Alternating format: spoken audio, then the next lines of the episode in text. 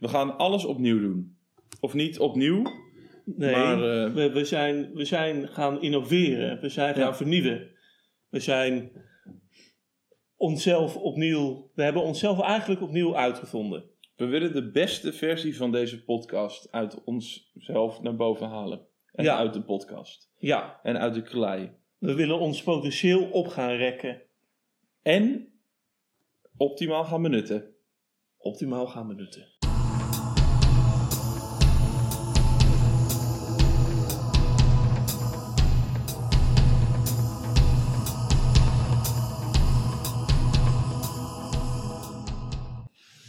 Nice, we're started. Ja, welkom bij weer een nieuwe aflevering van de Wat Nou podcast. En we hebben vandaag wel een hele bijzondere dag. Want we hebben een aantal primeurtjes om met jullie te delen. Kun jij daarover uitweiden, Arend? Ja, dat kan. Ja. Ja? Ja, want we hebben allemaal rubrieken gemaakt. We wouden de podcast we, een, een, een verbeterde versie van onszelf maken. En van de podcast. Dus het is nu eh, de Wat Nou podcast 2.2. de nieuwe, Ja. nieuwste versie. Met allerlei aanpassingen. En we hopen dat het leuker is. Wij vinden het in ieder geval wel leuker. Ja, dat Toch? Is, eh, ja, nou ja, eh, zeker op papier. En nu moet het nog even blijken. Ja, Maar nou, Over het algemeen zeker, ja. Ja. Dus, ehm, ja, laten we in godsnaam beginnen dan. mhm. Ga jij hier dan dat dingetje in, in plakken? Of deden we al de intro? Is dit de intro? Wat bedoel je? Nou ja, meestal zeggen we iets als intro. Dan gaat het intro muziekje spelen. En dan beginnen we daadwerkelijk met de podcast. Maar gebeurt dat nu ook? Ja, ik zou niet weten waarom niet. Ik denk het wel. Dus, dus dan gaan we nu dat intro stukje horen. Ja, dat kan. Ja. Oké. Dat is niet een soort vaste. Dat, dat kan ik. eh, het is mijn eigen computer, dus ik kan dat nog zelf Ja, ja. wat Ja. aanpassen naar, naar, oh, ja, naar wat ik wil. Oké, Ja? Ja. Oké, nou laten we beginnen dan. prima. Ik kreeg laatst een eh, mailtje in mijn inbox van eh, een eh, persoon en die heette Jitsu Ruan. Zeg ik dat goed? Tja, Tja Ruan. Tja Ruan. En eh, Charuan, een mens uit Nederland. een mens uit Nederland. Ehm, en Nou, Ik- kun je dat mailtje er eens bijpakken? ik ga dat mailtje er eens bij. Als je op Ruan zoekt, dan vind je het ongetwijfeld. Ja, ehm eens even kijken. Jia Ruan. Het staat daaronder nog gewoon. Ja, ik, en ik heb de mail gekregen.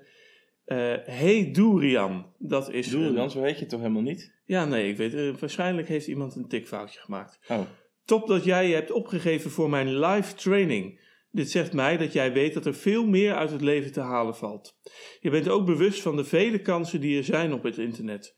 Iedere keer krijg ik zulke positieve reacties en ik kan niet wachten om de stof met je te delen. En eh, een eh, paar voorbeelden van die eh, positieve reacties. Je livestream was echt leuk en gezellig. Echt goede uitleg en bedankt voor de info. Echt respect voor je man. Ga zo door, man. vuur, een hartje, biddende handen en een vliegend bankbiljetje. En ik, ik, ik ga er nog één doen. Eentje. Yo, yeah. Nee, heet het. Hij Oh, is. Chinees. Je moet Ja. niet...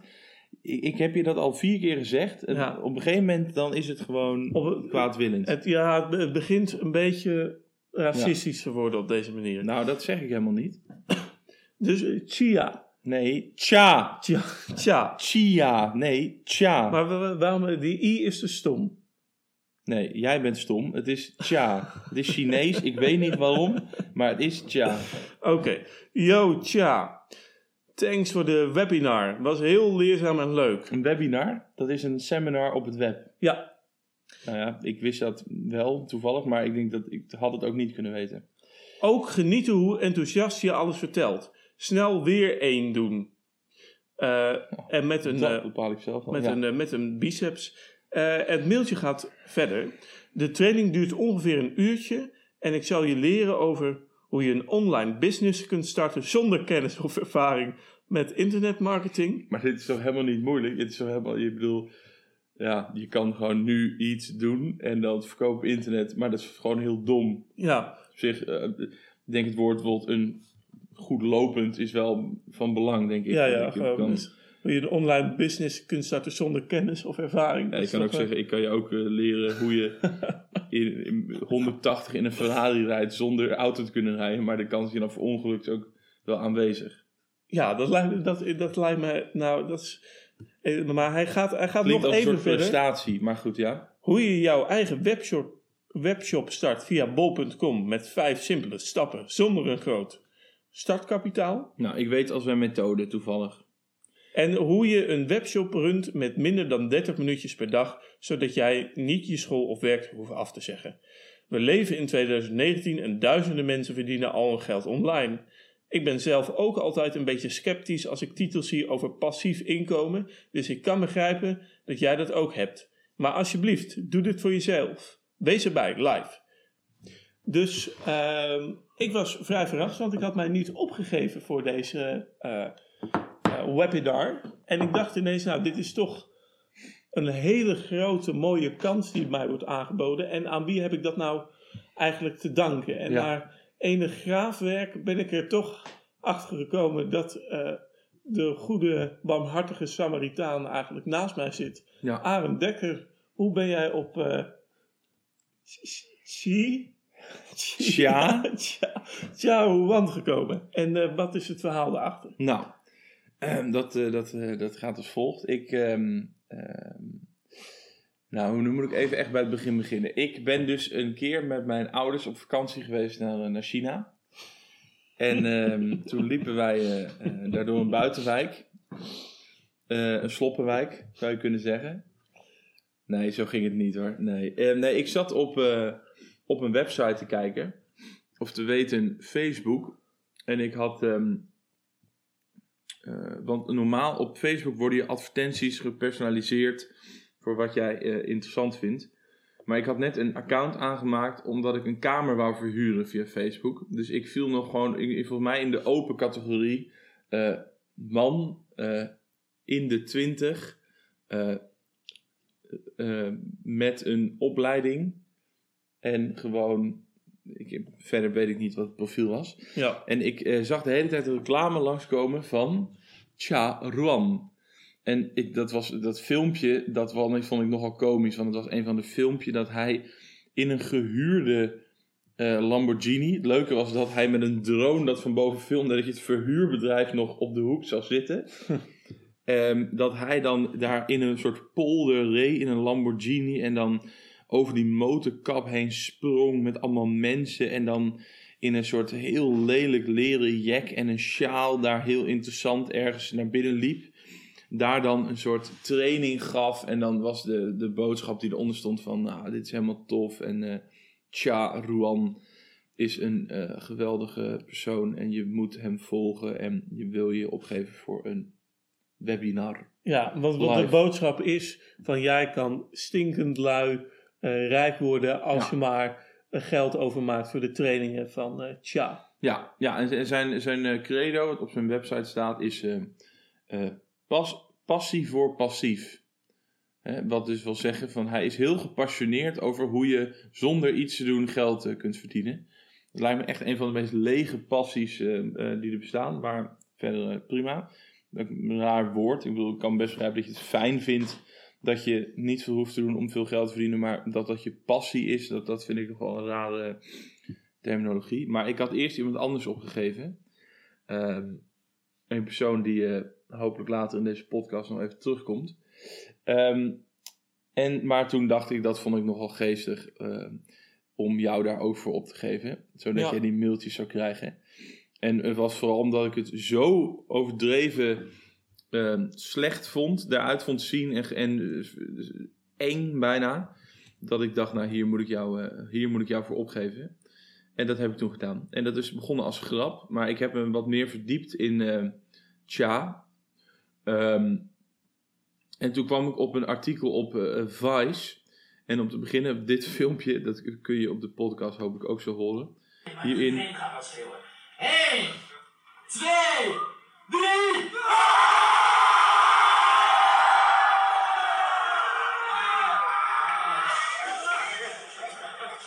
Voel het, voel het, voel het, voel het. Laat dat ding open. 1, 2, 3. Die gasten helemaal los. Nou, dit is dus op een. Dit is niet een webinar, maar een gewone live seminar Ja. Van hem, waarin gaat hij mensen leren schreeuwen. En hij noemt zichzelf ook de Wolf of E-commerce.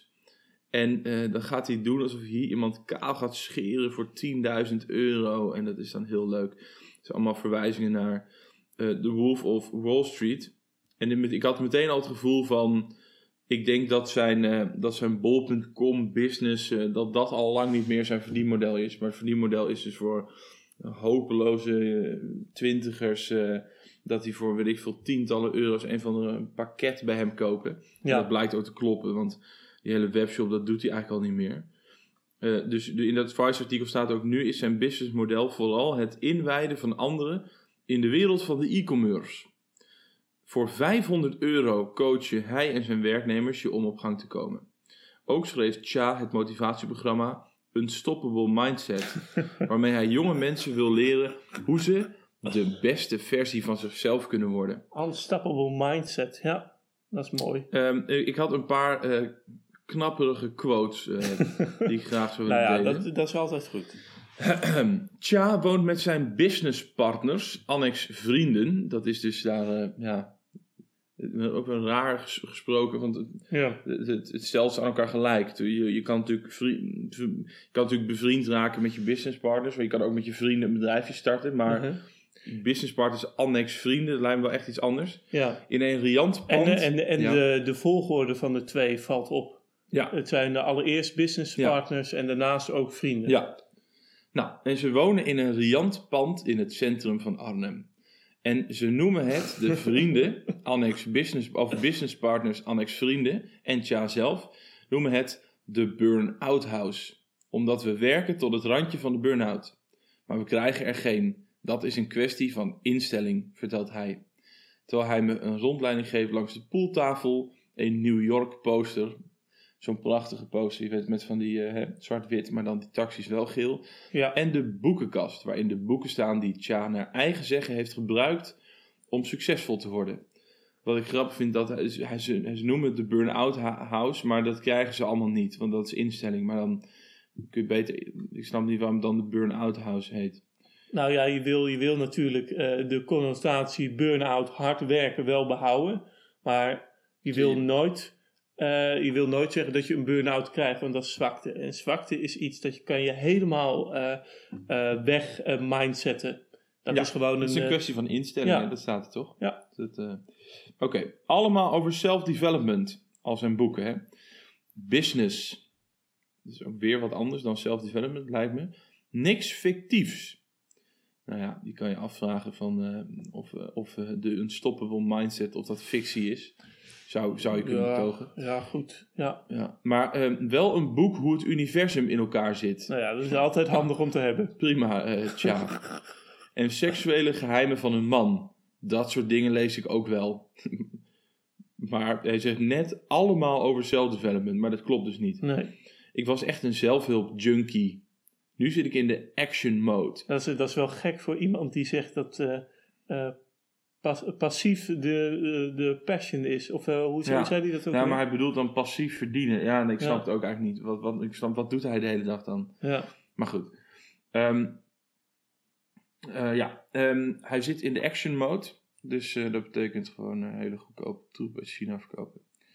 En dus verkoopt hij elke dag cursussen. Zweept hij groepen van 200 mensen op. Ook, ook, ik vind het leuk dat het heel expliciet 200 staat. Niet Ja. gewoon groepen mensen maar, of grote maar hij, groepen. eh, of, ja, om iets met hun leven te doen. Nou, iets heel specifieks met hun leven te doen. Want hij zegt eigenlijk van je moet niks doen met je leven. Je moet eigenlijk Nee. iets opzetten zodat je rijk wordt en dan hoef je niks meer te doen. En maakt hij podcasts en live filmpjes voor zijn volgers. Zijn eigen e-commerce staat op een laag pitje. De bedragen die je daarmee verdient zijn voor mij nu niet meer interessant. De 10 à 20.000 die je per maand kunt binnenharken, niet, niet gewoon verdienen, Ja, met het doorverkopen van spullen, als je het goed doet tenminste, ja, valt in het niet bij de omzet van zijn bedrijf. Vorige maand zeggen ze een ton te hebben verdiend. Tja laat me zijn betaalprogrammaatje zien. En het staat inderdaad zwart op wit. Met, meteen als een soort wantrouwen. Ja. Alsof, die Vice met, man meteen met harde bewijzen wil komen. Ik bedoel, stel dat was zo. Dan zou ik dat raar vinden. Maar stel dat was niet zo, zou ik het misschien nog wel raarder vinden. Dat hij meteen... Ja, maar, want die, maar, die, maar die Tja, die zit dus echt meteen in een, eh, in, in een soort milieu waarin gewoon niemand te vertrouwen is, waar iedereen een wolf is. En daarom moet hij natuurlijk dat, dat, dat bonnetje laten zien, omdat hij zelf eigenlijk ook waarschijnlijk niemand vertrouwt. En daar dus ook van uitgaat. Ik zie nu... eh, Oké, dus laten we... Ik zie nu een quote. Ja, deze is nog goed. Nou, die boven is goed. Die doe ik zomaar niet. Ja. Mensen helpen was al Tja's passie voordat hij quote spuinde goeroe werd. Voordat hij geen psychologie ging studeren. Stuurde hij maatschappelijk werk. Hè? Ja, nee, ik weet het. Hij heeft dus, hij overwoog het, maar is het niet gaan doen. Maar dat wordt nu geframed. Voordat hij geen psychologie ging studeren. Nou ja. Ja, wat heb je niet gestudeerd? Ja, geen psychologie. Nou, wat, wat voordat je geen psychologie studeerde, wat, wat deed je toen? Ja, dat is echt zo. Voordat hij geen profvoetballer eh, was, studeerde hij filosofie over mij. Zo van, ja, Ja. maar heeft dat profvoetballer er ooit ingezet? Nee, ik heb het niet gedaan. Nee, dat staat het gewoon. Maar, Ja, maar als ik het had willen doen, Ja, maar ik, ja. dan had het waarschijnlijk niet gekund. Maar dat boeit Voordat hij geen psychologie ging studeren. Maar, de- maar het leuke is dat dat al, eh, dus er, er staat hier zo van, die, dat psychologie studeren, dat wordt ook een beetje gelinkt aan mensen helpen. Ja, Van- en, en maatschappelijk werk, alsof dat. Ja. Ja, Nou goed, ehm, daarboven staat ook nog een goeie. De goeroe, hij is nu al een goeroe geworden, maakt er geen geheim van dat hij al zijn wijsheid gekopieerd heeft uit zijn boeken. Het is allemaal corny as fuck, maar clichés zijn niet voor niks clichés. Hij putte ook inspiratie uit een LSD-trip. nou zeg. Ik kwam op een plek zonder tijd en ruimte en realiseerde me: we zijn allemaal één. Dat, dat is toch mooi. Als je veel mensen helpt, bereik jij ook jouw doelen. Dat snap ik gewoon niet. Als je veel mensen helpt, bereik jij ook jouw doelen. Dus, dus mensen helpen, dat is absoluut geen doel op zich. Dat is echt een middel om jouw doelen nog verder te bereiken. En dat is in ieder geval nee, niet mensen andersom. helpen. Hij zegt: als je veel mensen helpt, dan bereik je je doelen. Dus het, het, je moet mensen helpen omdat je dan je doelen bereikt. Ja, maar dan, dan, dan eh, het blijft wel een middel. Want die mensen helpen, dat is dus niet het doel op zich. Ik denk, als je dit doet, Mm. bereik je ook jouw... Ja, je kan hem op twee verschillende Ja. manieren lezen. Maar het bl- blijft een rare, want het hangt Ja. ook heel erg van je doelen af. Ja, precies. En het lijkt, is nu heel erg aan de lezer gericht, hè? van jij. Ja. Ja. Niet je, maar jij. Oké. Nou goed, dus dat dacht hij eh, hè, aan de hand van zijn LSD-trip. Als je veel mensen helpt, bereik jij ook jouw doelen. Geld volgt. Het is een soort energie. ja. Oké. Ja. Zijn businesspartner komt langsgelopen. Ik zie al zo'n businesspartner, annex vriend, door een riant Arnhems panzer voorbij wandelen. Ah, the law of attraction knikt die. Daar geloven we hier allemaal in. Nou, ik geloof echt niet dat hij zo lang, dat er zo, zo'n gesprek is met zo'n vice-redacteur, dat hij, tja, zo met zijn benen op, op de tafel zit, dat er zo'n businesspartner net even wat oppikt en zegt, ah, the law of attraction, daar geloven ze allemaal in. Nou, meteen ook weer doorloopt. Ja, de, maar law of business. attraction, waar verwijst dat nou, nou precies naar? Dat je dus eh, mensen moet helpen? Of, en waarom heet het dan de Eh, law of nee, attraction? dat geld volgt. Oh, mij. geld Volgens mij is dat de law of attraction. Ja, ja. Dus het is een soort energie. En dat snap ik dan niet. Want je kan, ik kan gewoon zeggen, geld, als je wat goeds doet, dan volgt geld vanzelf. Maar dat is geen energie dan. Oké, nou laten we, om het, we moeten ook niet eh, overdrijven. Ehm, even kijken, ik vond die, eh, eh, en ik had wel er nog een hele mooie. Elke dag krijg ik berichten als kanker Chinees valt dood. Nou, dat is natuurlijk wel lullig. Ja, Ehm, hij hij, hij ehm, houdt de gemoederen bezig. Dat kunnen we in ieder geval zeggen. Even kijken. Kijk, dit is, was ook nog een mooie.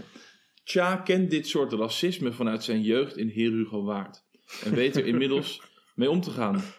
Ik heb in die zelfhulpboeken gelezen over de psychologie achter pesten. Die mensen die zijn onzeker of hebben thuis een vervelende situatie. Nou, dat vond ik wel echt een verrassend inzicht. Ja, dat is... Dit is eh, voor mij echt een soort, een soort wijsheid die, die zelfs, eh, die echt, eh, ja, inderdaad, als je pest, dan heb je meestal, heb je ook niet het leukste leven wat er bestaat. Had ik dat maar geweten op de middelbare school. Daarom is het zijn droom om een positieve influencer te worden. Dan vraag ik me af, wat is een negatieve influencer? kanker misschien? Ja, als ziekte bedoel je? Als ziekte, zeker, ja. Ja, nou dat zou kunnen. Of eh, als je dus mensen mm, gaat oproepen om, eh, weet Om, ik om eh, heel veel geld te steken in een webshop. Ja, die, die flopt en dan weet ik veel. Oké. En hij wil op termijn gaan lesgeven op middelbare scholen. Nou, willen die middelbare scholen dat ook? Dat is de vraag. Een Ja. extra lesuur waar ze wel naartoe willen gaan. Ja, ook zo van, Zo van, van, nou, van leerlingen willen over het algemeen absoluut niet naar school Nou, gaan. ja, is echt krankzinnig onzin. en, maar Ik dit het- gaat er echt o- Ik vond het over. namelijk best wel leuk. Het moet dan live lessons heten of zo. ja, dat, of zo Maar daarachter. hij is, hij ik is echt- 22 en Ja. hij, hij heeft dan even nu ontdekt, omdat na, nadat hij geen psychologie ging studeren en maatschappelijk werk, dat je als je gewoon een totale idioot De- de- bent, de- geld dus kan wel. met een De- webshop, het zit nu dat wel- hij dan de, de aangewezen persoon is om live, Live lessons lessons. te geven. Ja, Oké, het zou over pesten gaan, maar ook over geld en succes. Nou, nou ja. nou oké. dat, nou, dat is mooi dat je die... nou, eh, de- wat, maar oké, dat zijn dan levenslessen. mhm. Economieleraren klagen vaak over hun salaris. Echt een middenklasse mindset. Ja. Ja, ik zou zeggen echt een mindset voor iemand die gewoon een loondienst is. Net als Ja. ongeveer iedereen. Ja, ja. Ehm, en ook wel een terechte mindset. Je, ik bedoel, ja, je kan het ook met een pistool komen halen, maar je kan ook over klagen of met een vakbond iets doen. Hè? Of wil hij dat economieleraar ook gewoon eh, ZZP'ers worden? ja, Ja. iedereen moet ZZP'er worden. Iedereen moet gewoon... eh, Ja. Nou, dat lijkt me Ja. handig. En dit vond ik ook wel een mooie. Ik heb me afgesloten voor het advies van mensen die armer zijn dan ik. Nou, dat is misschien wel de meest stedenkommende quote uit, die, uit dit hele tekstje. Ja. Oh. Ehm, en het, het gek is, hier staat er ook nog niet bij over advies eh, over iets, Ja, maar gewoon in het algemeen. Dingen over geld, hier zegt hij het wel overigens. Dingen over geld moet je leren van miljonairs en, en miljardairs die het spelletje echt snappen. En binnenkort is Tja miljonair, als het goed is. Zijn doel is dus om in juni 2019 met zijn bedrijf de eerste miljoen verdiend te hebben. Maar als het zo doorgaat, lukt dat al voor het eind van het jaar. Ehm, ja, dan word je toch even... Dat, dat, dit is toch wel een eh, inspirerende... Ik heb eigenlijk nog één stukje wat er ook Oh ja, wel nee, ja, ja, ja, nog eentje dan. Nou, de Vice-interviewer die werpt wat, eh, eh, nou goed, eh, wat vraagtekens op. eh, hè, want al die plastic troep die hij verkoopt, dat zijn net als maandelijkse vliegreizen. Want hij vliegt dan naar Thailand om daar, weet ik veel, met een, met een cocktail in zijn bek s- webinars te geven. Eh, dat zijn eh, niet echt dingen, iets waar de aarde op zit te wachten. Ook is er weinig bekend over de arbeidsomstandigheden in China. Nou, op zich prima vraag.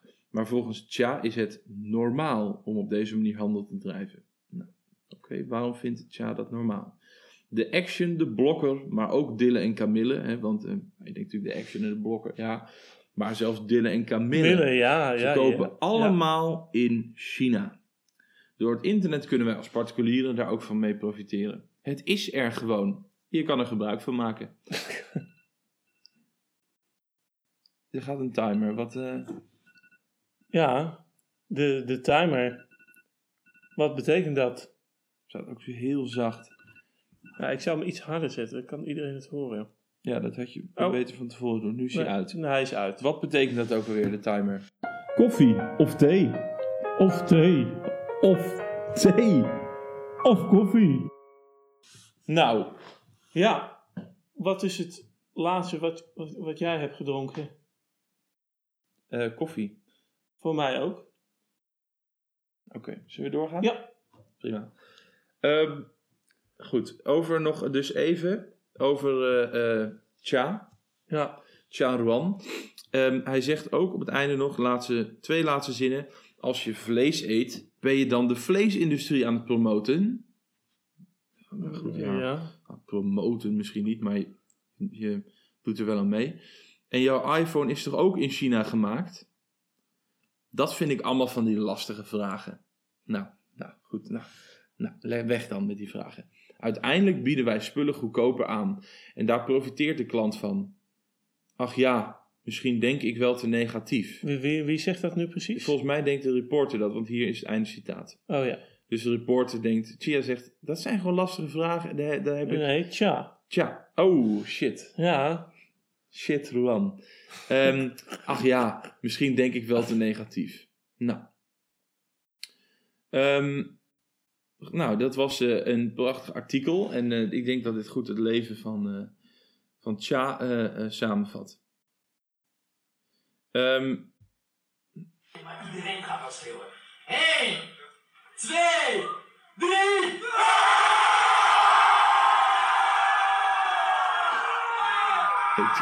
het hier daar echt achterin. Ja, ja ik, ik heb hem al gezien. Maar ook meerdere dan, hè? 1, 2,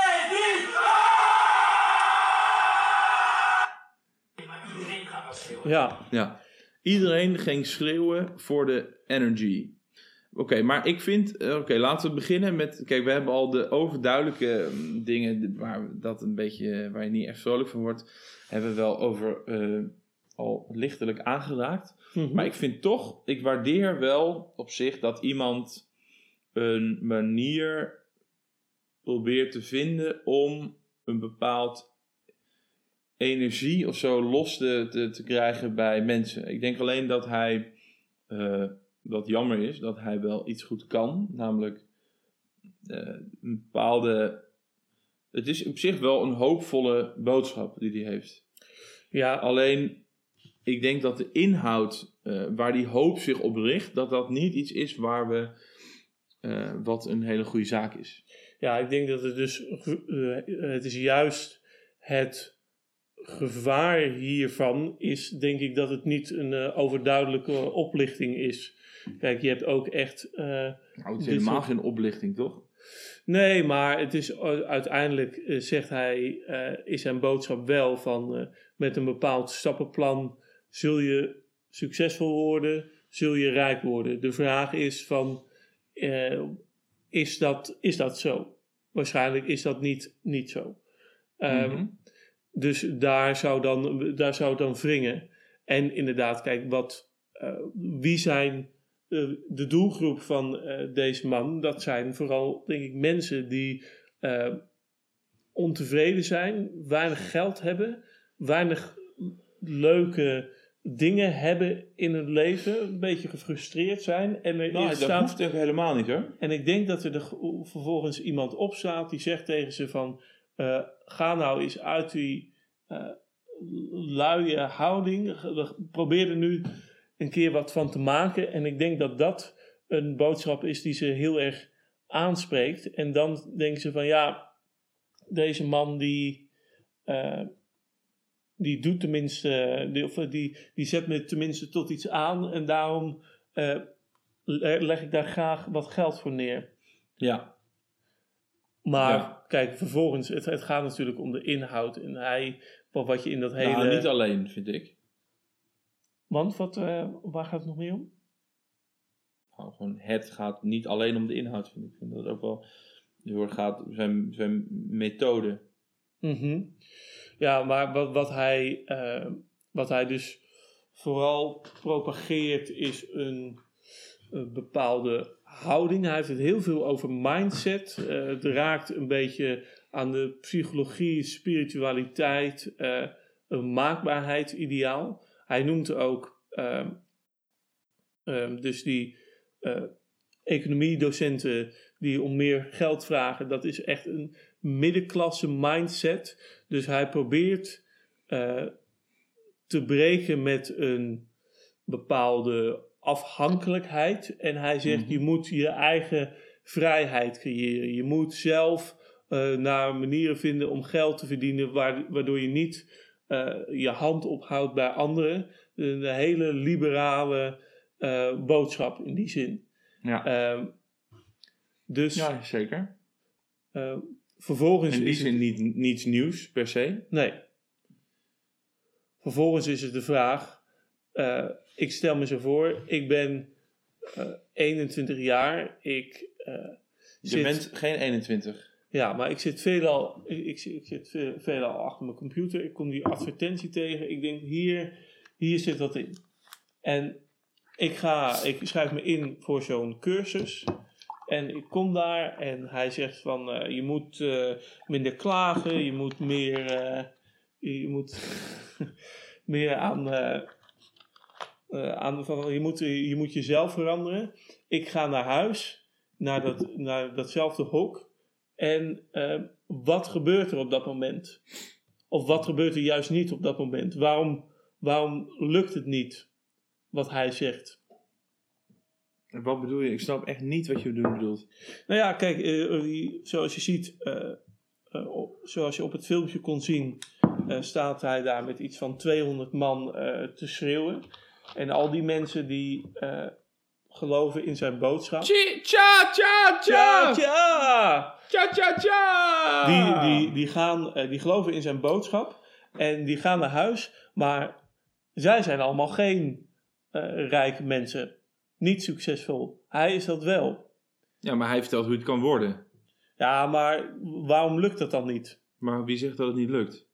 Eh, omdat die 200 man eh, niet eh, even rijk en succesvol is als hij? Nee, maar dat Ook dus niet gaan ze het- worden, toch? Ja, maar geloof je dat dat een mogelijkheid is? Oh, ik denk dat het een mogelijkheid is, ja. Oh, dat denk ik helemaal niet. Nee? Oh, je kan wel rijk worden met dropshipping, hoor, als je dat goed doet. Via bol.com en een webshop. Aha. Ja, tuurlijk. Ik bedoel, het is niet, het is niet, dit is geen, eh, het, is, het is geen, eh, eh, weet ik veel, eh, hij verkoopt geen kapotte auto's of zo, snap je? Dus het is wel gewoon iets wat, wat eh, ja, tuurlijk kan dat. Je kan toch een webshop beginnen, kan toch succesvol zijn? Ja, dat zou kunnen, maar er zit ook toch een hele grote. eh, hij, hij verkoopt het alsof je dat stappenplan gewoon moet volgen. En dan ben je sowieso succesvol. Maar er kan ook heel veel misgaan, toch? Ja, er kan heel veel misgaan, maar dat ontkent hij er ook niet.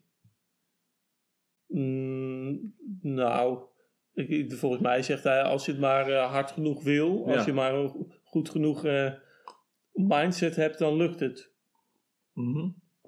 Ja, dat zegt hij inderdaad. Ja, ja Maar dat klopt niet. volgens mij niet, nee. Nee? nee. Nee, ik denk het ook niet per se. Maar ik, maar ik, ik, eh, ik denk dat het wel laat zien dat er wel behoefte is aan gewoon iets. Gewoon Ja, ik denk dat het vooral eh, de- Oh, laat zien dat er een gemeenschapszin of weet ik veel. Dat er, dat er gewoon behoefte is aan een bepaalde energie, aan een bepaalde vrijheid, aan een bepaalde losbandigheid, die, eh, die mensen echt eh, missen in hun leven. Dat, dat hij ze een perspectief biedt. Het gaat ook niet zozeer om die webshop. Het gaat vooral om het gevoel dat je zelf wat vrijer kan leven. Gewoon ook meer geld hebt. Ja, eh, dat je echt gewoon kunt leven. kunt leven. Ik denk, en ik denk dat heel veel mensen het idee hebben van eh, die, die zit ik met mijn vastgeroest, vastgeroeste Vastgerotte Klote leven. kutleven. Wim. Maar ja, ja, inderdaad. Het is. ehm, Maar het is dus niet iets heel nieuws eigenlijk. Ik bedoel, de- de- deze gedachte, dit is wel. Hè, hier wordt het wel echt enorm eh, extreem gebracht. Maar, ah, maar als je nou werkelijk kijkt wat hij nou zegt. Ik bedoel, dit hele gedachtegoed heeft eh, op, op het moment van spreken 30 zetels in de Kamer. Of nog meer. Toch? Eh, ja, ja, in, in e- expliciete vorm. Ja, zeker. Ja, dus hoe laten we een rap opnemen voor Tja? Dat Die gaan laten we doen. de volgende aflevering horen als reactie op Tja. Wat hij beter kan doen. Ja. Oké, volgende rubriek. Ik denk, Bellen met Eddie. Toch? Ja, Wat denk je? ik denk dat hij net wel opneemt. Wanneer het je even te veel wordt, dan ga je bellen met Eddie.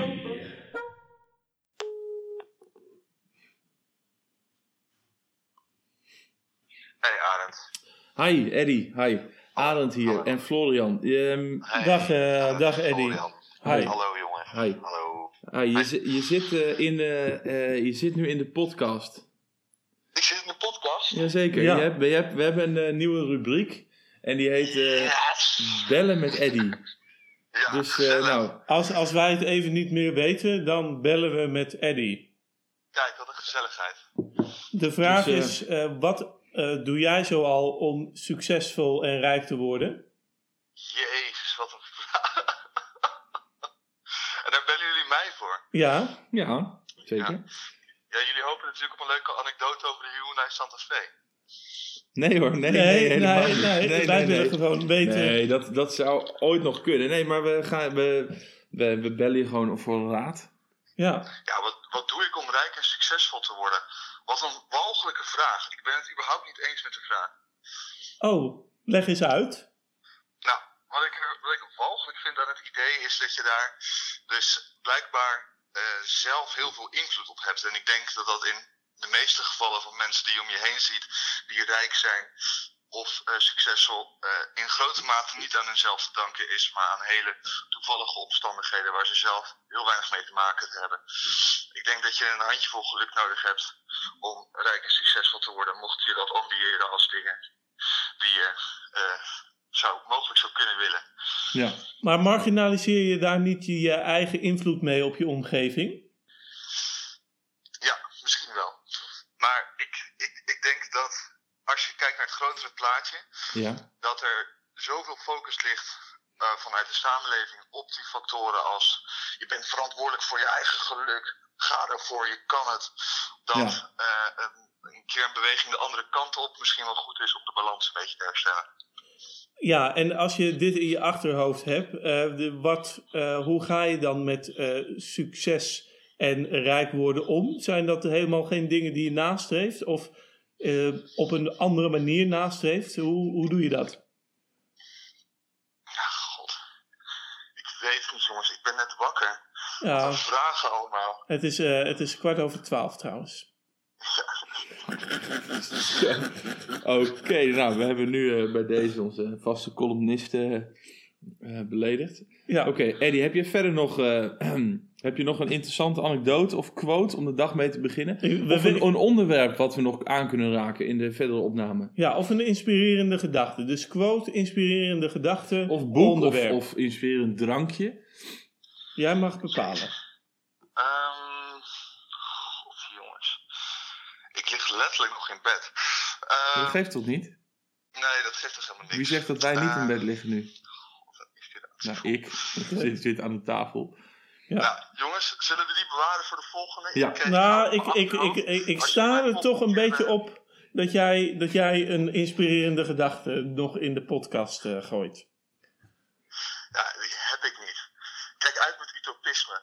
Kijk uit met uto- utopisme. Oké, Eddie, dankjewel hè. Fijne dag. Hoi, hoi. Hoi hoi. Dag Eddie, dankjewel. Henkie Bres, Henkie Bres, Henkie Bres. Henkie Bres, Henkie Bres, Henkie Bres. Hoe staat het met Henk Bres? Niet te geloven. Het is net echt allemaal. Ik geniet ervan. Ja toch? Hey toppie. Florian Willem, Surabaya, Maluku, Wijker. Waarom gaan wij dit bespreken? Wat, eh, wat, eh, wat is dit? Eh, nou ja, dit is een eh, nieuwe rubriek en wij hebben gewoon voor iemand eh, gekozen. Nee, nee, nee, nee. We hebben niet gewoon voor iemand gekozen. Nee, nee, nee. We hebben, wij hebben gekeken naar personen die op een bepaalde inspirerende manier in de wereld staan. Zo, En die, die waarvan, waarvan wij echt zeggen, achter deze boodschap, Ja. achter deze ja. gedachte, daar staan wij helemaal achter. En ehm, Nou, niet helemaal. Soms niet helemaal. ja, er zijn natuurlijk Maar we nuances. hebben een hele, een hele lange afweging gemaakt van personen. We hebben eerst een longlist gemaakt. Wie stonden daar ook weer op? Ook? Nog meer? Ik had Paul van Vliet, had ik daarop staan. Ehm, eh, Nelson Mandela. Nelson Mandela. eh Ban Ki-moon. Ban Ki-moon inderdaad. Kofi Annan. Kofi Annan. eh, En eh je Habermas. Ja- Jacob Zuma. Eh, Bas Jacobs. Ja, Bas Jacobs. Bassie en Adriaan ook. Bas, Bas van Toor. Adriaan van Toor. Ja. Ehm Weilen Bassie. Hè? Want Bassie is dood. Wanneer is hij overleden? Hij is niet overleden, want het is een fictief personage. Maar Bassie is Oh, dood. oh, de, Bas van Toor, die leeft nog wel, maar... vraag oude niet randje Ja, hij heeft al een paar keer eh, heeft hij, eh, de dood recht in de ogen gekeken. Ja, de euthanasieverklaring is ook al getekend, hè? Zeker, ja. Dat, eh, Dat weet hij alleen zelf nog niet. Maar, eh, maar hij, eh, hij, eh, ik heb een petitie gemaakt. hij en, is, hij dat is je weer een kunnen petitie kan maken dat je als je 20.000 handtekeningen verzamelt, dat dan iemands euthanasieverklaring getekend wordt. Ja, Nou, dat zou maar, maar het is, uiteindelijk ging het tussen... uiteindelijk dachten we dat we voor Frans Timmermans gingen. Maar het is toch uiteindelijk eh, Henk Bres geworden. Ja. En waarom nou Henk Bres? Nou ja, Henk Bres is natuurlijk eh, bekend van het Lagerhuis. eh, waar hij als voetbalhooligan van FC Den Haag zijn mening over zaken mocht geven. Ja. Veroordeeld crimineel voor vandalisme, homo's in elkaar meppen. Daar is hij niet voor veroordeeld trouwens, maar hij heeft Oh. wel 18 maanden in de cel gezeten. Hij heeft kook gedeeld ook nog eh, en hij was ja, echt een hooligan. Hè? Dus eh, Ja. ehm, ja, Maar hij heeft, naar eh, mensen en dat soort zaken. Hij heeft zijn leven gebeterd en in 2017 Zeker, absoluut. of 2018, dat weet ik nu 2017. In 2017 eh, werd bekend dat hij op de. Oh nee, 2018. ja, 18 volgens mij, hè? Nee. Nee, Wel. was dat vorig jaar? Weet ik niet meer. Ik weet het ook niet. Maar bij de, 2017, laten we dat gewoon even aan. bij de. eh, Afgelopen gemeenteraadsverkiezingen. ja, dat was 2018. Dus Ja. 2018. Ja, dat zeg ik toch? Dus ehm, Dat zeg ik toch? toen heeft Henk Bres op de lijst Ja. eh, voor de gemeenteraad van de PVV in Den Haag gestaan. Ja. En toen is hij met eh voorkeurstemmen. We weten 1802 stemmen. mocht hij. We krijgen een, Een- telefoontje van een, een- luisteraar. Ja, nou dat moeten we dan eh, maar. eh Opnemen. Opnemen. Nou, je kan nu op opnemen drukken. Goeiedag, meneer Wagenaar. U bent op dit moment eh, in de podcast eh, Wat Nou Beland. Live. Helemaal live. Oh, god. Ik zou graag, dan zou ik graag mijn moeder de groeten doen. Ja, Eh, dat. Kan dat? Ja, Ja, hoe heet ze ook alweer? Eh, Nicolette. Oh ja. Ja, ik zeg altijd eh, Nico. Nicole. Ja, ze gaat, eh, dat is ze, goed hè. ze gaat eh, door. eh, ze heeft heel veel bijnamen volgens mij. Maar eh, je mag er even de groetjes doen. Ha- hi man, ik ben op de radio. Nee, dit is, dit is via Soundcloud en eh, Oh. Apple Podcast. Ja, Via ik- Soundcloud ja, en Apple Podcast. Oké. Ehm, Ja. Nee, goed. eh, ik wens je veel succes met de He- podcast. eh, heb je nog een eh, inspirerende quote of een, een mooie spreuk om de dag mee te beginnen? Eh, may your dreams... Oké. Oké, Florian heeft opgehangen tijdens de quote. Laten we doorgaan met Henk Bres. ja, Nou, met Henk Bres. Eh, met Henk Bres. met Henk Henk Bres. Nu inbelt. Zou je dan, Ja, zou dat dan- zou- Ik zou hem niet opnemen. Nou. Kan ik zijn telefoonnummer achteraan? Dan bel ik hem. Goed, ga jij ondertussen ik kijk of ik zijn telefoonnummer kan vinden. Ja, nou, wat, eh, wat gebeurt er? Hij is dus met voorkeurstemmen in de eh, gemeenteraad gestemd. Eh, alleen op het allerlaatste moment bleek toch dat hij niet echt zin had om dossiers te lezen en Nee. te vergaderen en daar gewoon aanwezig te zijn.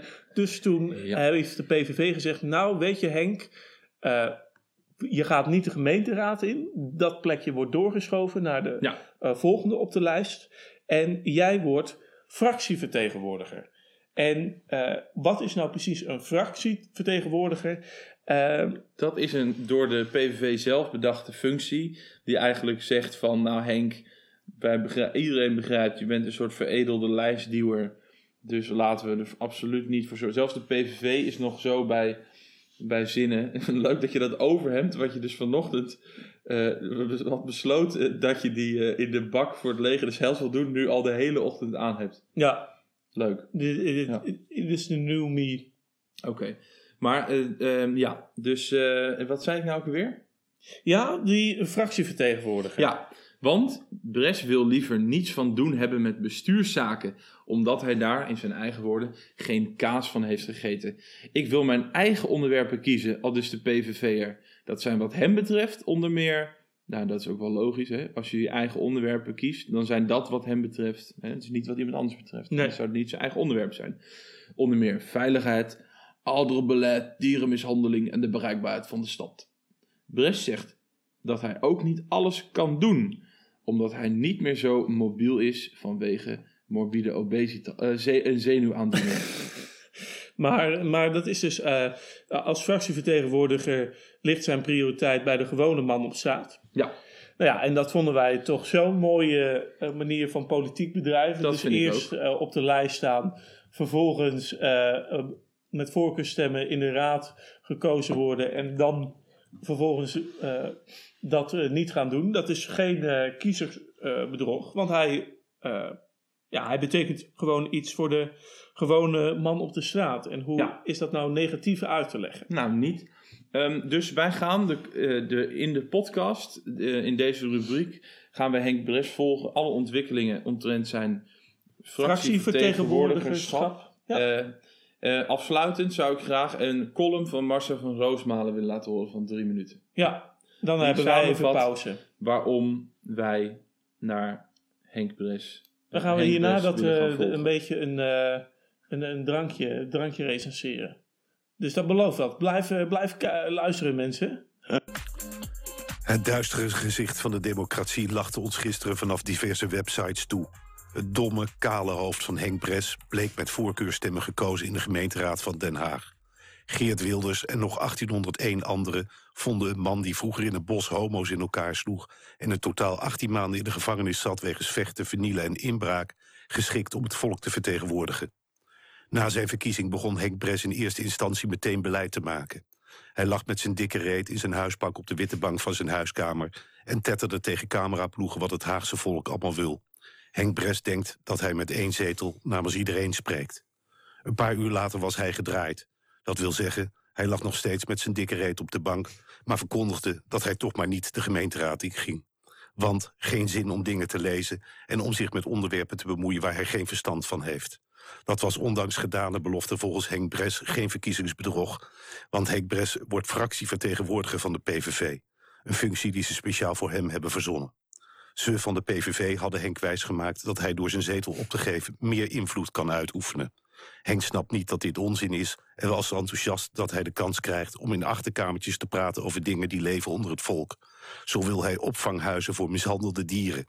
Zoiets bestaat al, het heet asiel. Maar Henk is ook tegen asiel. Nederland is vol, de grenzen moeten dicht, behalve voor Sinterklaas en Zwarte Piet. Alle moslims moeten hun bek houden, want dat zijn terroristen. En pedofielen moeten in elkaar worden geslagen. En Henk is ook tegen kanker. Daarom zegt hij de hele tijd tyfus en tering. Ik heb geen woorden voor de domheid en het bord voor de kop van Henk Bres. Dus ik zocht het in vergelijkingen.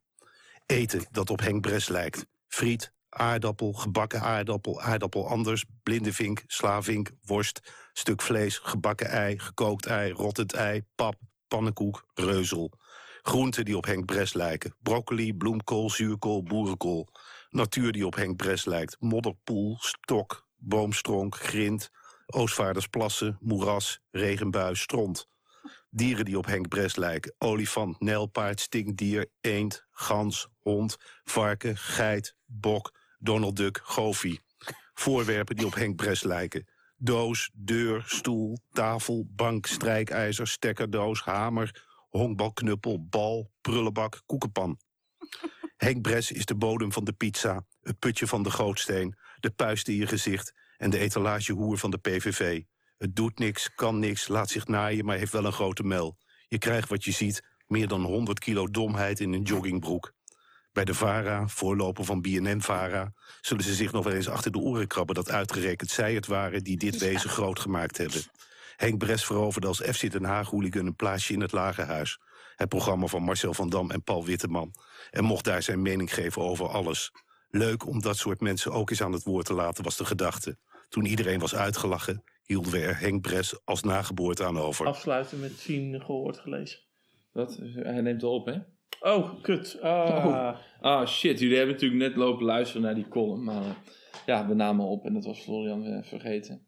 Ehm, dus ehm, ja, nou, het drankje wat we recenseren dit Ja, keer. het eh, drankje dat we recenseren is Het drankje. Lipton Zero Sparkling Iced Tea. Petit Pétulant. En eh, nou ja, Petit. Nou, dat, is een drankje. Dat is een drankje. Eh, dat is dus de, de ehm, met de... Is dat citroen? Het zit wel heel veel geel op. op. Of is dit gewoon niet in persik of citroen te vatten? Dit is gewoon iced tea. Ja, dus iced tea. Dus eh, er staat ook ver- ver- verfrissende drank met thee-extract en zoetstoffen. Ja, dat is iced tea. Ja. Dat is een verfrissende drank. Er zit dus geen suiker in, maar wel zoetstoffen.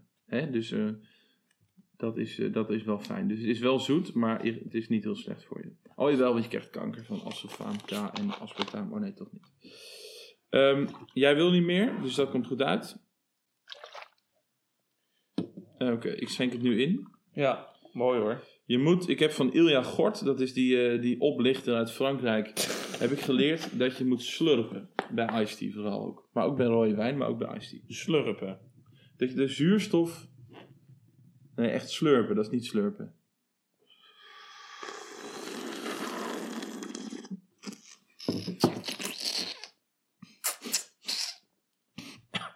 Komt door mijn neus weer naar boven. Nou, dan, als je dus slurpt, dan komt er zuurstof in het drankje, waardoor de smaken vrijkomen. Nou, het smaakt gewoon naar iced tea. Ik vind het, eh, kijk, bij sommige drankjes, dan is de, eh, de zero of light variant veel minder lekker. Dat is bij Ja. deze niet zo. Nee. Bij Coca-Cola vind ik dat wel. Ja. Dus, eh, nou, dat wou ik even zeggen. Ehm, Volgende rubriekje dan maar. hop, naar de volgende rubriek. De sappige roddel op Radio 1. We gaan er in een, een moordend tempo doorheen. En dat geeft helemaal niet. Nou, we gaan helemaal niet in een moordend tempo. We hebben net 34 minuten 50 over Cha Ruan gepraat. Ehm, we gaan door met de volgende column. Column. De sappige roddel. Ja, Want ehm, er kwam mij eh, iets ter oren deze week. Iets belangrijks. Iets, Iets belangrijks, iets van grote importantie. dat kun je wel stellen, ja. Een gewichtige zaak. Een... Iets dat ertoe doet. Oké. Dat van belang is. Dat ook van belang is, Florian. Ja. Dus ehm, het zit als volgt. Nee, niet dus, maar het zit als volgt. Ehm, ik liep eh, op een druilerige zaterdagavond. We weten, gisteravond liep ik door Schiedam. Een prachtig plaatsje onder de rook van Rotterdam. Ehm, je kan het beter eigenlijk andersom zeggen. Dus dat de, de, de, de gitzwarte rook van Schiedam eerder afstraalt op Rotterdam dan andersom. Maar ehm, daar liep ik en eh, het miezerde wat. Ik had mijn kraag omhoog gezet. Ik had een muziekje aan. En ehm, ik loop daar eh, over de hoofdweg vanaf het eh, metrostation een wijk in. En ik loop voorbij een nachtwinkeltje en ik zie in mijn ooghoek in één keer dat er naast het nachtwinkeltje iemand op de hoek staat. Een man, ik schat een jaar of dertig, tenger postuur. En hij kijkt mij aan. Dus, hè, Schiedam Centrum, je bent op je hoede, vooral zo'n knappe eh, jongen als ik ben. Er Eh, kwam, er kwam op dat moment ook nog Santa Fe langs gescheurd. Maar dat, dat is... eh, dat was, eh, eh, leek eh, heel veel... Leek een leuke grap. leek maar- heel veel relevantie te hebben, maar toch niet. Nee. Maar... Ehm, nee, en dus, eh, nou ja, goed, ik loop bij. En die man die kijkt mij dus zo aan. Dus ik, eh, ehm, ik dacht, wat is hier aan de hand? En hij bleef mij aankijken en op een gegeven moment wenkt hij mij. Dus, maar ik dacht van, nou ja, wat is dit nou? Moet ik hier nou op ingaan? Of, of moet ik nou verstandig zijn en gewoon mijn 9 mm uit mijn zak pakken? Dus ik dacht, ik wacht nog even. Dus ik heb alleen mijn ploer te doden gepakt. Ehm, en ik loop naar die meneer toe. En eh, die begint eh, tegen mij te zeggen van... Hé jongen, ik, eh, er is iets gebeurd. En dit is van het allergrootste belang dat heel Nederland dit te weten komt. Eh, dus die, eh, die man die zegt van, eh, ik ben van plan om in een pak en een nepvuurwapen bij de NOS binnen te dringen. En daar dan het nieuws proberen te kapen. Oh ja. Maar dat was niet gelukt. Dus hij Dat gebeurde, mij dit gebeurde vorige, vorige week. gisteren. Gewoon gisteren. Ja. Ja. Nee, dat was al gebeurd, maar dat is niet gelukt. Ehm, en hij, ehm, dus toen zei hij, nou dan vertrouw ik het jou maar toe. Want wat blijkt?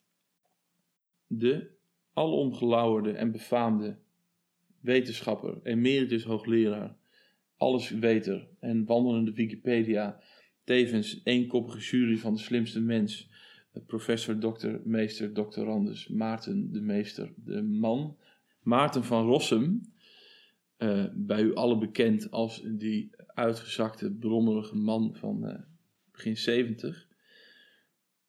Die schijnt dus op iedere donderdagavond, zo rond een uur of elf, als bij de buren het licht uitgaat en zijn vrouw de bedstee opzoekt, dan schijnt Maarten van Rossum eh, de keuken in te lopen, de friteuse op 180 graden te zetten, daar voor 12 man aan kaasvlees in te gooien. Hè? Dus de beste man die frituurt dan 12 kaasvlees. Daar is hij ontzettend goed in. Die zijn altijd perfect gaar, krokant. Het zijn niet de duurste kaasvlees, maar van het Albert Heijn huismerk. Niet ook niet de AH Basic Albert Heijn huismerk. En hij schijnt die dan in ongeveer anderhalve minuut alle 12 op te eten. Daar schrik ik toch van. Daar schrok ik dus ook enorm van. Ja. En hij, hij, heeft, hij heeft dan wel een lode pijpie en een, eh, en een strak gehenemotte. Nou, strak. In ieder geval hittebestendig. Het, het was. Je mag gerust zeggen dat het een enorme schok was. Ja.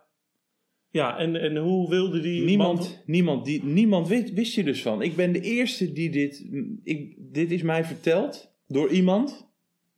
Ja. Ik, en dit, dit zegt, betekent echt iets. Ja, ja en dat, dat, eh, dit verklaart ook eh, waarom eh, Maarten altijd waterige diarree heeft op vrijdag. Nou ja, dat zou daar wel mee te maken kunnen hebben. Nou ja, het is in ieder geval goed dat we iets op het spoor zijn. Ja, En dan later misschien kunnen, we, kunnen we nog een update geven. ja we, dit, gaan hier, we duiken hierin. Ik heb dus, ik doe wel aan bronbescherming uiteraard. Ja, Dus ehm, eh, ik kan er wel verklappen dat het Halbe Zijlstra niet was die mij dat vertelde. Ehm, eh, dus ja, die hebben jullie al. Maar goed, dit, Halbe Zelstra kan van het lijstje af. ja, maar hier is het laatste woord nog niet over gezegd, dat beloof ik. Ja, Oké. nee, maar goed dat je daar achteraan dit bent was, gegaan. eh, sappiger vind je ze niet hoor. Nee, Zeker nee, niet in. Schiedam. Nee, god. Oké. Nou.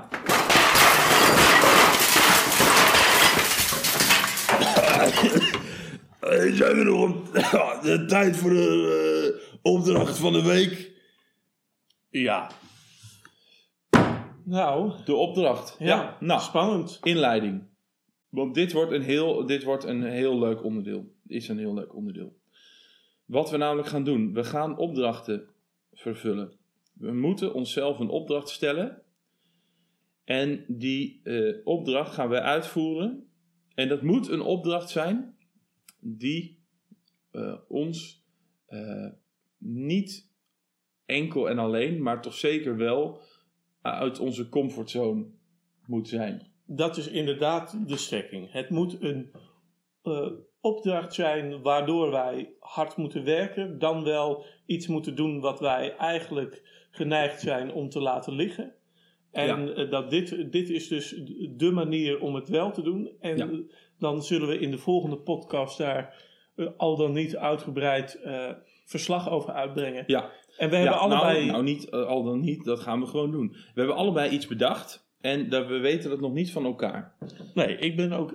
Ik ben heel benieuwd. Ja, ik zit dus nog te twijfelen tussen twee. Dus maar misschien dat jij me kan helpen. Ehm, ja. Ja. Het ene is, ofwel ik ga lezen The Unstoppable Mindset van Cha Ruan. Is dat een eh, boek, ja? Ja, dat is Oh. een boekje, ja.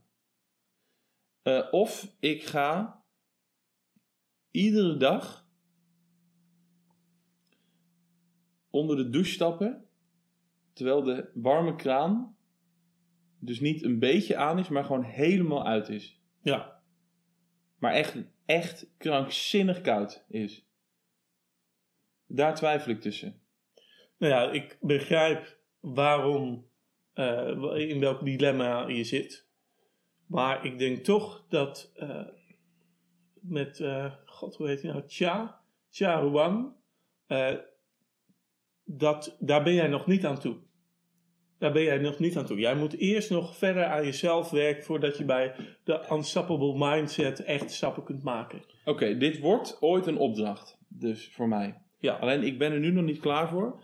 Dus dat betekent dat ik iedere dag onder de allerkoudste straal van de douche moet gaan staan.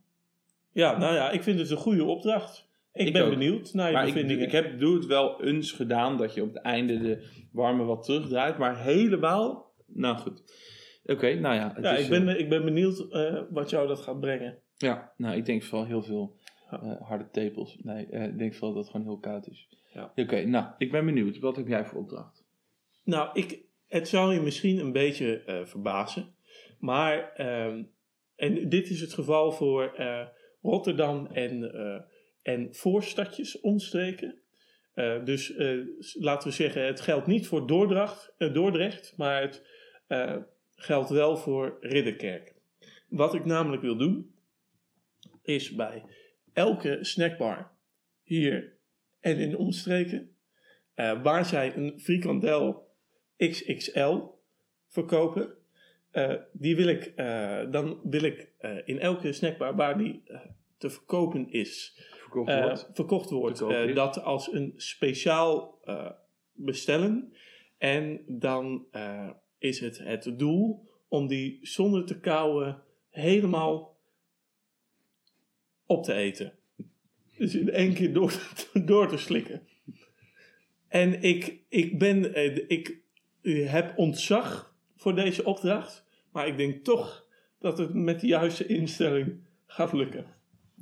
Ja, Maar ik, twijfel, maar ik twijfel ook nog tussen iets anders. oké. nou, ik ben ook Dus- wel benieuwd naar het andere. Het andere dat is dat ik eh, elke dag, nou niet elke dag, van maandag tot en met vrijdag, op de door de weekse dag, anderhalf uur eerder opsta dan nodig om eh, drie kwartier eh, te eh, wijden aan sport. In de zin dat ik voordat ik ga ontbijten en dergelijke even een rondje ren. Ja, Voor de komende twee weken is dat dus. Ik, ik, mag ik iets zeggen daarover? Ja? Ik denk dat je beter. Je, ik denk dat het niet goed is als je ongetraind bent dat je vijf keer in de week in één keer gaat hardlopen. Ik denk dat je dan beter een uur kunt gaan wandelen iedere ochtend. Ik denk dat dat veel gezonder is. Nou, ik denk, eh, ik denk dat een. eh, dat, dat zat er ook wel bij ingebakken hoor. Dus een combinatie van eh, sportief wandelen, dan wel joggen, zonder daar jezelf afgrijzelijk te, eh, te forceren, waardoor het eigenlijk. eh, eh, dat je slechter af bent dan je eigenlijk was. Dus inderdaad, die nuance zit daar zeker in. Oké. Maar zou jij dan voor het frikandel XXL verhaal gaan? Of toch het iets wat, ja, wat minder in het oog springende eh jog slash snelwandelverhaal? Ehm, ja, ik denk dan toch dat je dat wel- wat gewoon het verstandigste is, dat je dan toch moet voor de frikandel moet gaan. Oké, dan ga ik daar eh, over twee weken verslag van uitbrengen. Ja? Ja, Prima. Oké, nou, beste kijkers, dat, als dat jij nou een... eh, potentie in zit. ja, Heb zeker. jij een opdracht? Ja, Mail hem ons naar ehm ehm watnoupodcast.gmail.com en we, Ja? gaan, we gaan hem in ieder geval behandelen. We behandelen alles. Ja, Ehm, ehm, we behandelen ook Florians huidaandoening. ja dat is toch, eh, dat, dat begint Ja. nu wel echt op te spelen. Ja. Dus, eh, nou Heel ja. smerig. Ehm, Als, Dus, je, eh, als je wil dat ik een psoriasisbehandeling eh ga ondergaan, dan heel graag. Dat jij gewoon oh, dat een krankzinnig dure operatie gaat ondergaan voor iets wat helemaal niet nodig is. Ja, ik ga een chemokuur doen. De komende week. Kijken hoe dat is. Nou, nee, dat gaan we niet doen. Oké, volgende. Heeft u wat gezien, gehoord of gelezen? Wij ook. G, G, G. GGZ. GGD. GG weg ermee. GG op de play. GG doe niet meer mee. GG Tante K. Dus eh, de GGG heb je in het mooie introotje al gehoord. Staat dus door gezien, gehoord of gelezen. En Gezien, gehoord of gelezen. Gezien, gehoord of gelezen. Arend, Ja. heb jij iets gezien, gehoord of gelezen? Ja, iets wat indruk heeft gemaakt. Oh, Of, nou ja, goed of niet, maar iets wat eh, je wat eh, beklijft en iets wat jij met onze eh, immense fanscharen wilt delen. Ehm, even denken, ik heb een. ehm, ja, ik heb wel iets wat ik eh, eh, wil delen. Ik ben namelijk nu eh, dit boek aan het lezen. Ik pak er even bij. Oh, godverdomme. Nou, dat heet Grand Hotel Europa. Ik heb er helemaal geen tijd voor om het te lezen. En dat, dus het schiet ook niet echt op. Maar ik ben nu ongeveer op een derde. En dat is het nieuwste boek van Ilja Leonard Pfeiffer. En dat is alom eh, eh, ja, bejubeld, door, eh, ook door vrienden, maar ook in de, de, de, de critici zijn er ook heel lovend over. En ik moet zeggen, ik had al wel veel gehoord van Ilja Leonard Pfeiffer. En ik vind het ook wel een intrigerende man. Ehm, ik heb ook wel eens een, een luisterboek van hem, of hoe heet dat, een podcast geluisterd waar hij in zat, of een radioprogramma of iets in die richting. En ehm, eh, dus ik dacht, ik ga dus dit boek lezen. Ehm, en ik, ik vind dat, ehm, we, ik, ik ben nog maar op een derde, maar ik vind het, dat hij ontzettend goed kan schrijven. Alleen wat me wel tegenvalt is de, de, de inhoud. Ik vind het een beetje slap gelul. Ik Is vind het het? een beetje een aan, aanstellerige vent ook. Hij woont dan in Genua en heeft dan, is dan zo, eh, weet zo'n soort, die is dan een keer heen verhuisd, omdat eh, dat niemand weet waarom. En dan zit hij in een, in een bontjas en sigaretten te roken op een terras en dan overdreven Italiaanse koffie te bestellen. Een beetje loopt de kanker op toeristen. Dat is een, eh, daar, daar gaat dat boek ook een beetje over. En het Ja, gaat over Europa. inhoudelijk. Nou, inhoudelijk is de boodschap dat. Eh, wat is nou een, een waarde van Europa? Eh, het gaat dan over wat is Europa. En hij leeft dan heel erg in het verleden volgens hemzelf. Maar dat, dat valt dan ook wel weer mee. Want hij vindt gewoon geschiedenis interessant. En, eh, en de boodschap is zo van ja, we, we moeten. conservatisme is Europa eigen. Dus de, de hang naar verleden. Maar we moeten uitkijken dat we niet denken dat de, de beste tijd achter ons ligt. En daarom is de migrantentoestroom een zegen, want dat is dan vers bloed in Europa. Oh ja. Op zich vond ik wel bepaalde passages interessant. Want hij zegt bijvoorbeeld, eh, eh, als je kijkt naar eh, in Venetië, daar, daar, of in Italië, daar wordt enorm, is enorm veel tegengeluid tegen immigratie van met name mensen uit Afrika. Eh, daar is er ook een redelijk eh, rechtskabinet a- aan de macht, die ook eh, anti-immigratie is, zou je kunnen zeggen. Ehm, en wat hij, dus hij- dus wil laten zien is dat zo'n stad als Venetië, eh, waar al die nationalistische Italianen dus waar aan tillen, aan hun geschiedenis en eh, hoe belangrijk het allemaal is, dat dat gewoon verworden is tot gewoon een attractie. Waarin dus eh, eh, ehm, eh, toeristen gewoon de maat der dingen zijn geworden. En als je daar dus woont, dan kun je niet eens meer boodschappen doen zo ongeveer Omdat, omdat al, dat er, je kan er 100 miljoen souvenirshops vinden, maar een normale supermarkt bestaat, bestaat ondertussen niet meer. Ja. Dat zie je ook aan de aantallen mensen die in Venetië wonen, aan de huizenprijzen. Dus dat is. eh, je zou natuurlijk een parallel kunnen zien met Amsterdam, dat het ook die kant op gaat. En volgens hem is het dus eh, is het, is het geen legitiem verdienmodel om je geschiedenis te verkopen als aan toeristen. Ehm, dus en hij, hij, hij problematiseert de houding naar vreemdelingen als het gaat om immigratie en als het gaat naar toeristen. Omdat we immigranten willen we niet. Ja. Terwijl die potentieel wel nieuw, nieuw, een nieuw ehm, hoe noem je dat? Hernieuwd leven echt kunnen geven. Maar toeristen die eigenlijk alleen maar komen halen en eigenlijk meer afbreken, die, die eh, halen we wel binnen, want die kopen klompen. Ja, ja. Nou, in Italië dan niet, Ja. hoop ik. Dat is een beetje de gedachte. Op zich zitten er wel leuke passages in en interessante dingen. Ik vond bijvoorbeeld het inzicht dat, eh, dat vroeger kon je iemand die veel geld en aanzien had herkennen aan dat hij een pak droeg en net gekleed was. En eh, dan hadden de, de boeren, burgers en buitenlui die liepen daar in lompen en weet ik veel met, met allemaal aftanse stukken katoen om hun nek. Mhm. Maar tegenwoordig is het dus eh, andersom. De, eh, wie dragen er een pak? Dat zijn de taxichauffeurs, de loopjongens en de receptiemedewerkers. Terwijl de, de rijke, de rijke westerling, die kan het zich permitteren om zo ongeveer in zijn blote lul daar over straat te lopen op, op afgetrapte slippers. Dus dat is grappig dat die hele, dat hele idee helemaal omgedraaid is. Dus dat, eh, dus nou ja, goed, precies Ja. wat ik zeg. Ja, nou, dat, Dat vond ik dat wel een interessante inzicht. Ja, op zich ook, ook wel eh, interessante inzichten over dat we hier geschiedenis verkopen. Ik had het ook toen ik eh, vorig jaar in Berlijn liep.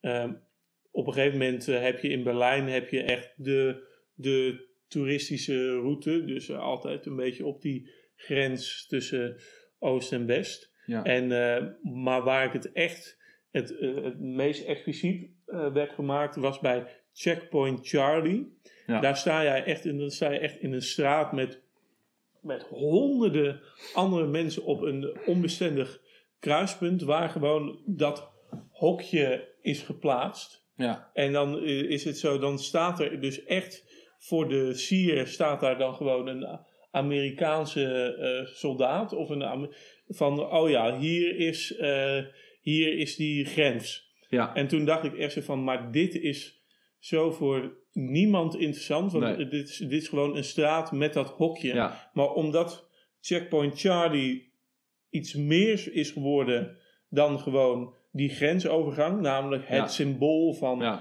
Dan, dan, en, toen keek ik om me heen en toen zag ik gewoon allemaal mensen met, die daar stonden. En iedereen zegt, iedereen moet dat maar belangrijk vinden Ja, dat ja. het daar staat. Maar ik denk van, dit zegt eigenlijk helemaal niks meer. Je Nee. kan je er helemaal geen voorstelling meer eh, van maken. Nee. Dit is eigenlijk alles wat er toen niet was. Ja. Ja. Met een souvenirshop erbij. En, Ja. eh, en dan moet ik op dat moment me echt ehm, gaan realiseren. Oh, hier, hier stond een, een grens. En, dat, en dat, eh, dat was eigenlijk heel erg. Dat was eigenlijk het laatste waar ik op dat moment aan dacht. Ja. Ja. Maar dat is inderdaad... ja, hetzelfde een, eh, bijvoorbeeld eh, zou je kunnen... Oh, godverdomme. Zou je kunnen zien in bijvoorbeeld als je naar het Rijksmuseum gaat. ehm, dat de nachtwacht, hè, die staat daar. Ja. Dat, ehm, kijk, natuurlijk, dat is gewoon een mooi schilderij. En dat heeft op een gegeven moment is dat eh, heel bekend geworden. Of dat was misschien altijd al heel bekend. Ehm, eh, ehm, maar, ehm, op, kijk, de, de, de hele, eh, de, de, de, de, de cultus eromheen, die wordt zo groot. Ja. Doordat het een, een Kijk, op, kijk, het wordt dus een. Het is een heel mooi schilderij. Dat betekent, als je dat schilderij hebt, wordt het een publiekstrekker. Maar op een gegeven moment, dan raakt die hele oorspronkelijke bedoeling van waar het een publiek, waarom het een publiekstrekker is, naar de achtergrond. Ja. En wordt dat hele idee een publiekstrekker zo groot, dat mensen erheen gaan omdat het een publiekstrekker is. Mhm. Niet omdat het een mooi schilderij is. Nee, ik En dan, dan zie je dus dat dat een, een soort, ja, het, het is een soort gemeenschappelijke beleving van verwondering over iets waarvan je eigenlijk helemaal niet meer weet waarover je nou verwondert. Ja. Ja, nee, dat is dus ook, denk ik, bij Berlijn gebeurd. In de zin dat het gewoon een themapark is, eh, is geworden. De, de, het, het ding zelf, de, ehm, de, dat- dat echt is gebeurd, die grens, dat, dat vervaagt eigenlijk helemaal. Je loopt Ja. gewoon van, je loopt echt een bepaalde wandelroute af van, oh ja, hier is eh, weer iets wat daar aan her- zou moeten herinneren. Hier is weer iets aan wat er zou moeten herinneren. Dus, het, Mhm. dus eh, je ziet Berlijn gewoon dat helemaal is toegespitst op dat is toen gebeurd. Dus het is Mhm. helemaal niet meer, eh, sommige delen is het helemaal niet meer die stad. Dat is gewoon een themapark geworden van, eh, Ja. van eh, het enige wat we nog kunnen doen is refereren aan wat er toen was gebeurd. Maar omdat het niet meer op dat moment, op dit moment aan de hand is, kunnen we er alleen nog maar verwijzingen naar maken. Ja, ja, precies. En dat is gewoon. eh, En die verwijzingen gaan op een gegeven moment naar elkaar verwijzen, Ja. waardoor je een soort loop krijgt wa- waar, waarin alles naar, naar alles verwijst en waar de echte link naar iets concreets helemaal niet, gewoon verdwijnt. ja. ja, want ik denk dat heel veel mensen eh, misschien wel naar Berlijn gaan. Oh, daar heb je die eh Brandenburger Tor, daar heb je check, eh, Checkpoint. Ja. Charlie, Rijkstaak, dat is allemaal. Maar dat is, dat is allemaal, dat zijn Je allemaal hebt de dingen. Champs-Élysées. Oh nee. Oh, Champs-Élysées, Je hebt ja. London Tower Bridge. Ja, dat Big Maar- Ben. Big Ben. Ben. Ben. Maar die, die, die Big denken. Benno L. Big Dick Benno. nee. nee, maar goed. Maar ik denk dat het. Big, Big Benno, dat klinkt als een soort. eh, als Big Willem. Dat klinkt als een, als een Satudana kop, kopstuk. Goed, oké. maar eh, wat heb jij ge- gezien, gehoord of gelezen? Gezien, gehoord of gelezen? Nou ja, dat is eigenlijk iets waar eh, jij mij op hebt gewezen. Omdat dat jij dat heel goed vond. En ik had het eh, gezien en toen vond ik het ook heel goed. Dat is een, eh, de film eh Hair. En dat is een film over ehm, de sociale aspecten eigenlijk van de Vietnamoorlog.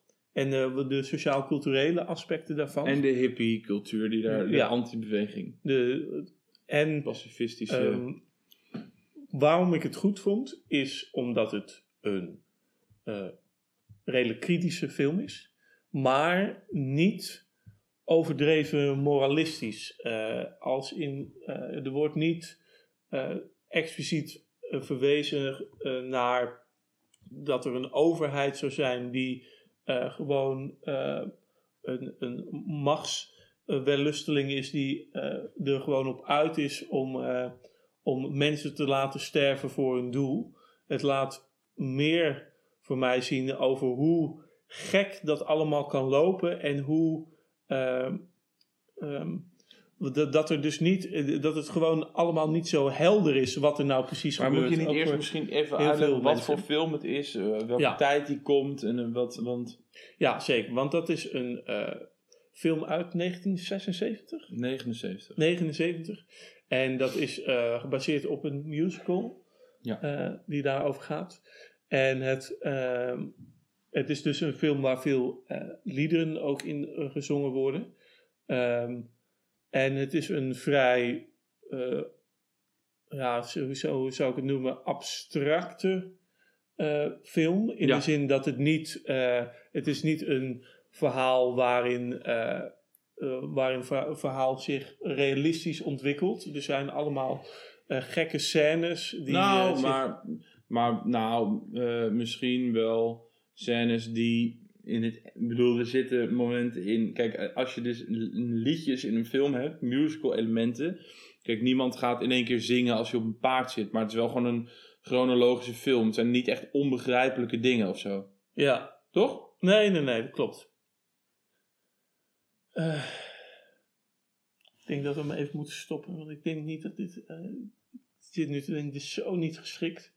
Want, want eh, nou, omdat, je, omdat eh, het een vrij eh, complexe film is om uit te leggen als je hem zelf niet hebt gezien. Dat maakt Dan- er niet uit. Je kan toch gewoon zeggen waarom je op jou indruk maakte. Ja, maar de- de- de- ik heb het gevoel dat je echt context nodig hebt om te begrijpen wat ik, eh, wat ik ik zeg. Ik denk dat het wel duidelijk was. Hoor. Ja? Ja? Hm. Denk je dat ik dit eruit ga knippen? Ja, ik, eh, ik weet het niet. Maar laat ik dan, ja oké, laat ik dan, laat ik dan, eh, Ja, ik snap wat je bedoelt, want het is moeilijk uit te leggen, maar het, het heeft overeenkomsten met zo'n film als qua, en dan bedoel ik dan qua cinematografische aspecten en qua eh, verhouding tussen verhaal en muziek als Jesus Christ Superstar. ja, Ehm, ik denk dat meer mensen die kennen. Eh, en, maar ook de, de muziek zelf is gewoon heel indrukwekkend, vind ik. ja. Maar het gaat dus over iemand van het eh, platteland die gaat eh, naar New York omdat hij daar in het leger wil gaan dienen. Maar daarvoor heeft hij nog een Paar dagen, paar dagen om... gewoon de stad te zien. Ja, daar ontmoet hij dus een aantal hippies en daar gaat hij gewoon, daar brengt hij zijn tijd mee door. En hij maakt gewoon kennis met die mensen met die waardestructuur die zeggen van eh, je moet niet gaan vechten. Dat is eh, pacifisten die zeggen van je moet, we, we moeten daar absoluut niet heen. Ja. En nou ja, dat is de, de verhaallijn is dus dat hij allemaal dingen met die mensen meemaakt. Ook de, daaruit blijkt dat hij niet super principieel is. Dat hij ook twijfelt, maar uiteindelijk toch eh, zich eh, kandidaat stelt voor dat leger. En hij gaat uiteindelijk daar het leger in.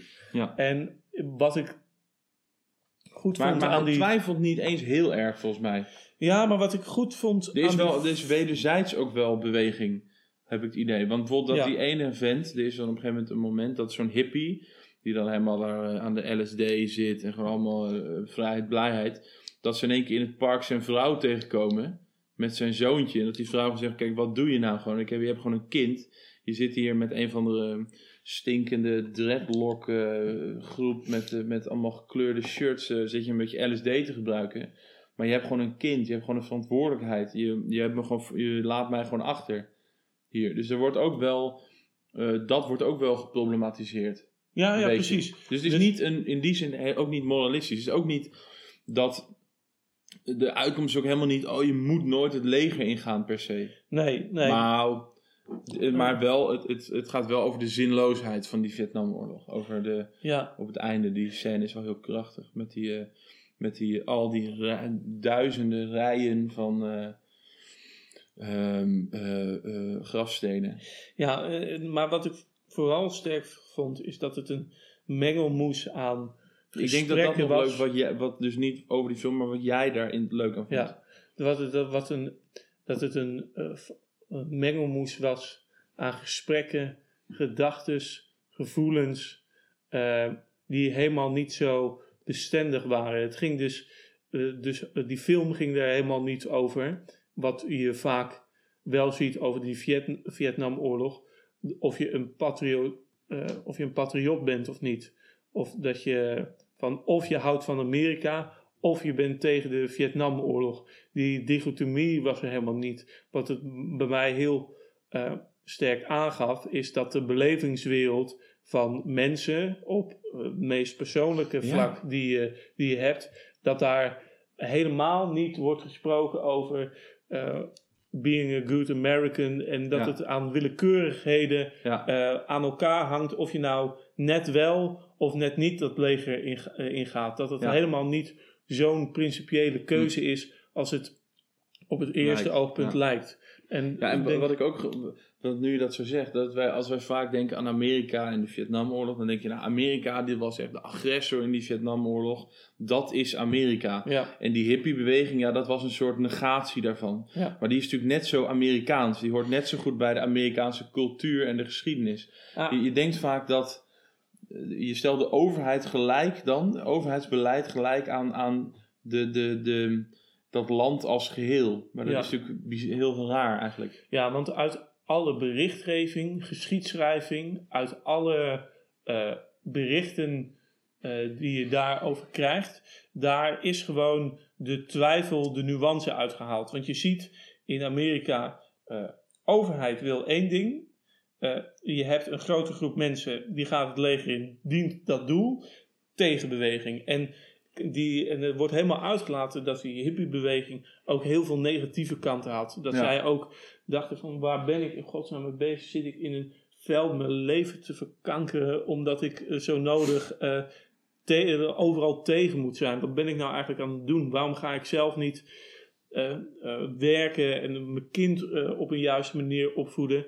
En die soldaat die denkt ook van ja, kijk, ik wil gewoon op een manier bijdragen. En dat leger, daar wordt een mooi verhaal omheen gehangen. Maar het is ook zeker niet dat ik heel erg super in dat doel geloof. Nee. da- daardoor, daarom doe ik het helemaal niet. Het is gewoon, het, het is veel willekeuriger dan dat. En die overheid, die, dat is dus eh, eh, dat die hele scherpe dichotomie uit die film is gehaald en dat het toch geloofwaardig overkomt, dat maakte het, eh, maakte het voor mij een film die ik wel goed vind over de Vietnamoorlog. Ja. En niet bijvoorbeeld Platoon, wat gewoon, wat gewoon weer nogal gericht is op de individuele heroïsme van, eh, Ja, van, eh, van individuele soldaten. Ja. Van dit geeft bij mij veel, een veel beter beeld van wat die oorlog nou precies was en Ja. wat de invloeden waren. Ik denk dat dat voor mij het een goede film maakt. oké. Ja. Laten we hiermee besluiten. Wat, eh, wat, wat vond je van de drank die we dronken? Ja, Ja, gewoon absoluut een 6,5. ja, ja, drie. Nou, ik vind het niet zo lekker. Nou, vijf. Nee, ik vind, 6,5 het, en een vijf. ik, ik vind het ook niet zo lekker. Nee. Nee? Nee. Waarom koop je dan? Nou ja, ik, ik dacht, ik, eh, ik, eh, af en toe heb ik de behoefte om een beetje iets fris, drankerig je te koopt altijd toch iced tea? Ja, maar over het algemeen eh, koop ik het niet. Nee, dat is waar, maar als je het koopt, koop je altijd iced tea. Ja. Nou ja, Dus dus vind je, eh, vind je dat, dat vind je dat toch het lekkerst, neem ik aan? ja, dat, dat eh, vind ik. Nou, het is, het is niet ongezonder, maar ik vind IC altijd ietsje eh, gevoelsmatig ietsje beter staan dan een, een hele grote fles cola in je koelkast. Ja, Eh, dat, is, dat staat het ook wel. Maar inderdaad, nou ja, goed, een zero. wel, Dat eh, valt er alles mee. Maar goed. Nou, de groeten en feedback is eh, gewenst op Ah, de oké. mail. Hoi hoi. Ah, ja.